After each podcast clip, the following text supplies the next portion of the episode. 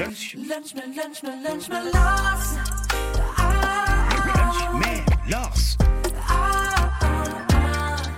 Lunsj med, lunsj med Lars. Går klimakrisen over av seg sjøl, eller blir vi redda av teknologien? Eller må vi mennesker sjøl ta et krafttak for å redde kloden? Debattklimaet blir iallfall varmere når vi nå nærmer oss stortingsvalget. Velkommen til Lunsj med Lars, en podkast fra Stavanger Aftenblad om valget i Rogaland og Norge. Mitt navn er Lars Helle, og jeg er redaktør i Aftenbladet. Mitt faste korrektiv er kommentator Hilde Øverbekk. Og i dag har vi òg med oss Mari Skåra Helgesen, doktorgradsstipendiat ved Institutt for sammenlignende politikk ved Universitetet i Bergen. Velkommen begge to.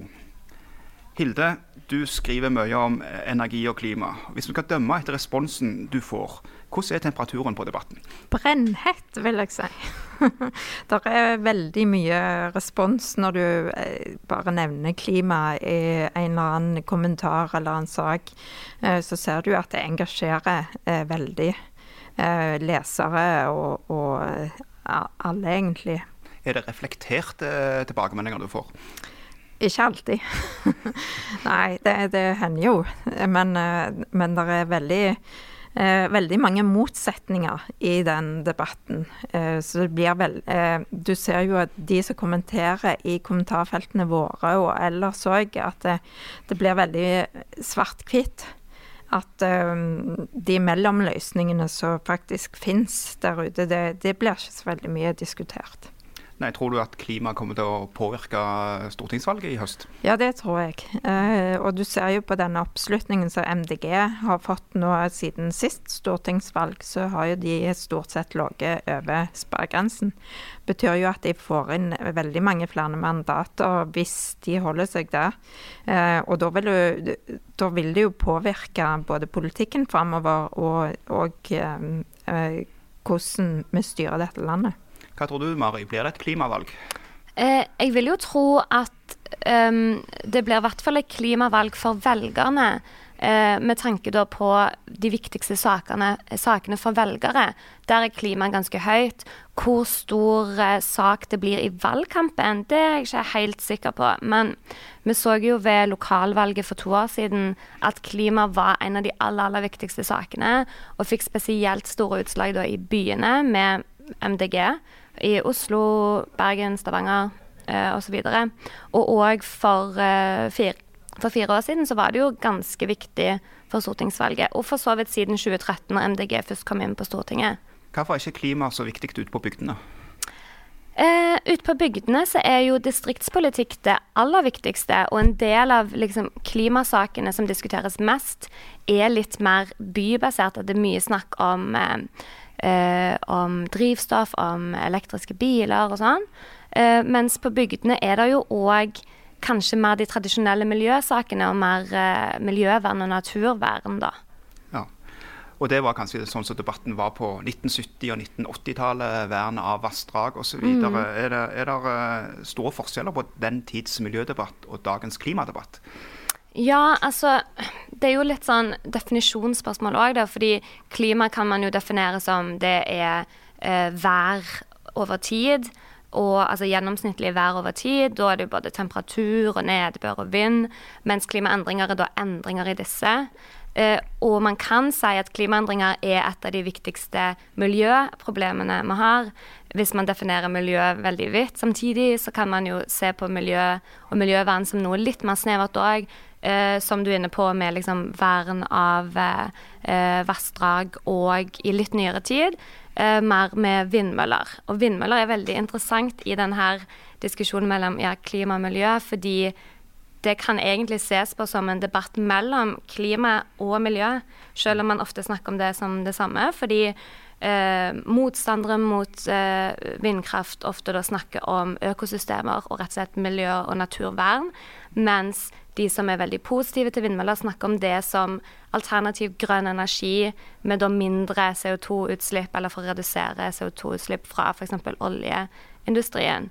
Og så når det kommer til sånn hvordan den faktiske deltakelsen ser ut, så er det jo visse likheter. fordi det, vi har jo fremdeles hatt sett aksjoner og folk som da eh, rett og slett eh, hva skal man si, fysisk liksom binder seg fast til et område der det skal bygges ut vindkraft nå, på samme måte som skjedde da med, eh, med disse vassdragene på 70-tallet. Og der, der mener jo jeg at eh, politikerne sjøl har et ansvar for at de har skapt denne motsetningen. Fordi at eh, når de innførte dette eh, regimet med å bygge ut og de grønne sertifikatene og eh, samarbeid med Sverige, så, så gjorde de faktisk veldig mange feil.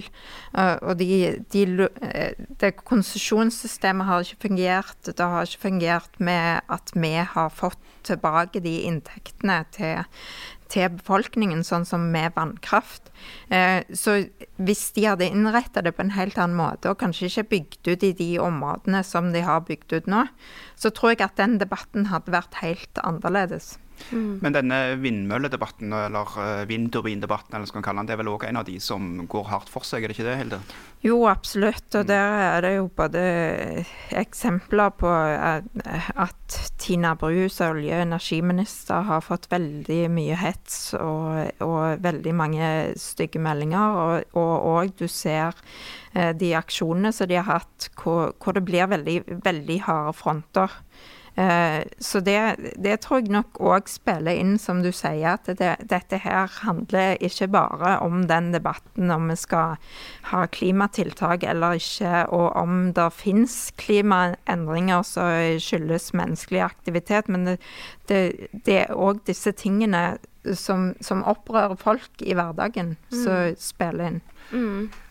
Tradisjonelt så har jo særlig da Arbeiderpartiet og Høyre vært de industrivennlige styringspartiene. Men de har jo òg brytninger nettopp pga. disse spørsmålene. Eh, Mari, du forsker jo på dette. Ser vi litt endringer i den tradisjonelle høyre-venstre-aksen? Før var det vel gjerne sånn at sånn som folk stemte, nesten gikk i arv. Mm. Altså, Venstre-høyre-aksen vil jo jeg si at fremdeles er veldig aktuell. Jeg bruker den i min forskning. Um, men det som er veldig interessant da, når det kommer til hvordan man skal på en måte plassere klima og miljø der, er at det er en veldig tydelig sammenheng mellom hvor folk sjøl plasserer seg på venstre- og høyreaksen, og holdninger man har til klima. Men eh, de grønne partiene er litt vanskeligere å plassere på denne tradisjonelle aksen, som vi er vant med å si. Ja, I forkant av stortingsvalget, med all grafikken, så har man liksom de røde, de grønne og over til det blå, altså borgerlig side, der um, de, de grønne partiene er litt vanskeligere å plassere, og MDG i Norge sjøl, da, de vil helst ikke være på den aksen. De eh, syns ikke den er tilstrekkelig, da, og definerer seg òg som blokkuavhengig. Mens velgere gjerne kan eh, være fornøyde med å plassere MDG rundt sånn sentrum-venstre. Og så har du jo òg den der konflikten med Senterpartiet og SV nå, på, på den rød-grønne sida, eh, hvor SV går veldig langt i, i å vil avvikle oljeindustrien og si nei til leiting og sånn. Og så, og så kommer da eh, Arbeiderpartiet faktisk i en skvis nå, selv om det liksom er det tradisjonelle Arbeiderpartiet, og så stiller Senterpartiet seg fullstendig på arbeiderklassen, eller det som de ser som eh, oljearbeidere og de som jobber i industrien, og sier at nå skal vi bare fortsette sånn, sånn som vi skal. Så det, den diskusjonen der er jo veldig interessant hvis de skal da samarbeide etter et valg. Så dette handler ikke bare om ja eller nei til vindkraft, men eh, diesel mot fornybar osv. òg. Ja, det handler om veldig mange eh, aspekter eh, i folks liv. Mm. Dette her med, med den skvisen som du nevner, og, og du er også inne på MDG, som ikke, Mari, som, som ikke vil, eh, vil uh, høre til noen blokk. Er det viktig for velgerne å vite på forhånd hvor de, hvor de vil være, eller hvilken regjering de vil støtte? Eh, ja, eh, i stor grad er det det. Fordi eh, MDG har jo da definitivt velgere som kommer tradisjonelt både fra venstresiden og høyresiden i politikken. Eh, det er jo et parti som har vokst eh, ganske kraftig fram de siste eh, åtte årene. Og de henter altså velgere både fra Arbeiderpartiet, fra Venstre og fra Høyre. Og da for velgere som kanskje er litt sånn på vippen og ikke helt sikre på om de skal stemme sitt tradisjonelle parti, eller om de skal gå for sin hjertesak som er klima, da, f.eks., så vil det jo klart eh, være viktig å vite det. For hvis man egentlig er en Arbeiderparti-velger og stemmer MDG fordi man vil ha mer klimafokus, og MDG velger å gå inn i regjering med borgerlig side, så er det kanskje ikke det optimale for den eh, velgeren, da. Nei, nettopp. Vi har snakket litt om vindmøller, eh, Hilde, men det er jo andre klimasaker òg. Så vi går inn på enkeltting. Vi har eh, dette med årstall for oljestopp, vi har klimamålene fra Paris. Vi har, eh, vi har ja, vindmøllene nevnte vi, og, og den klassiske diesel mot elbil-saken. Er det noen av disse som skjeller seg ut, er det noen andre ting vi òg bør nevne i denne oppramsingen? Det var jo, eh, det var jo noen fra Frp som var veldig bekymra nå for eh, de elektriske båtene. At de skulle gå tom for strøm midt ute på havet. Eh, Men så var det jo noen igjen som sa at ja, men hvis du går tom for bensin, så er det jo kanskje akkurat det samme.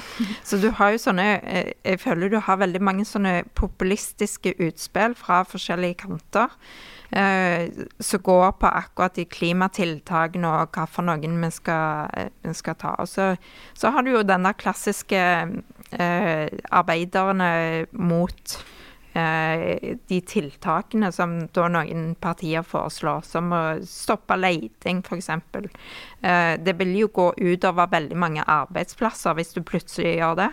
Eh, og da, da får du det jo litt inn på kroppen, spesielt hvis du jobber i den industrien.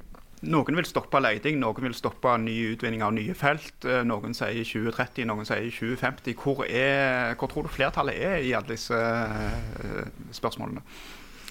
Du ser jo bevegelser i Høyre òg, så jeg tror jo egentlig at eh, flertallet med Høyre og Arbeiderpartiet har jo ganske lignende egentlig eh, politikk på det området etter hvert. Eh, og, og jeg tror jo at, eh, at flertallet egentlig er for at eh, du skal gå litt langsomt fram. Eh, flertallet er definitivt ikke om at du skal avvikle oljeindustrien.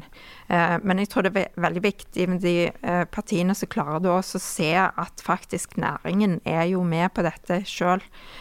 òg. sånn at, sånn at en, en plass sånn i midten, tror jeg. Ja. og folk, altså blant befolkningen, så er det definitivt et flertall i å utvinne mindre olje enn tidligere.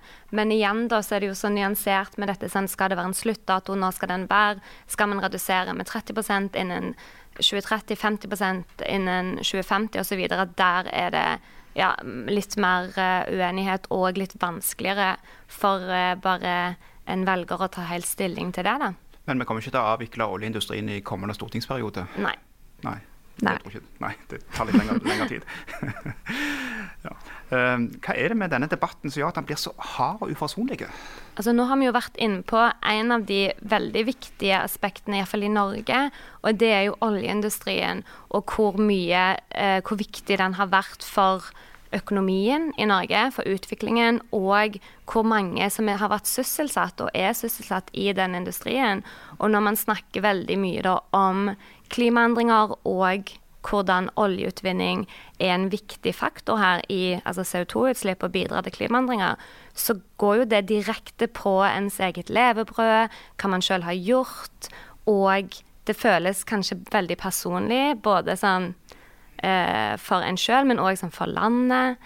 Eh, og så handler det jo, sånn, utover det, så handler det jo veldig mye om faktisk atferd og valg man har tatt og gjort i livet.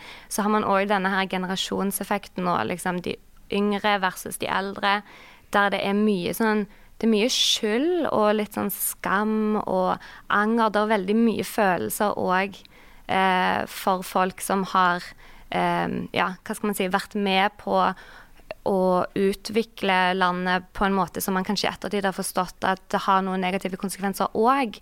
Samtidig så er det jo såpass nyansert at vi har jo òg kommet der vi er i dag, da, med mer velstand og utvikling. Ja, Og så tror jeg jo at det med at vi har såpass mye velstand som vi har nå, det blir veldig vanskelig for folk å liksom tenke at eh, de må redusere eh, forbruk, f.eks.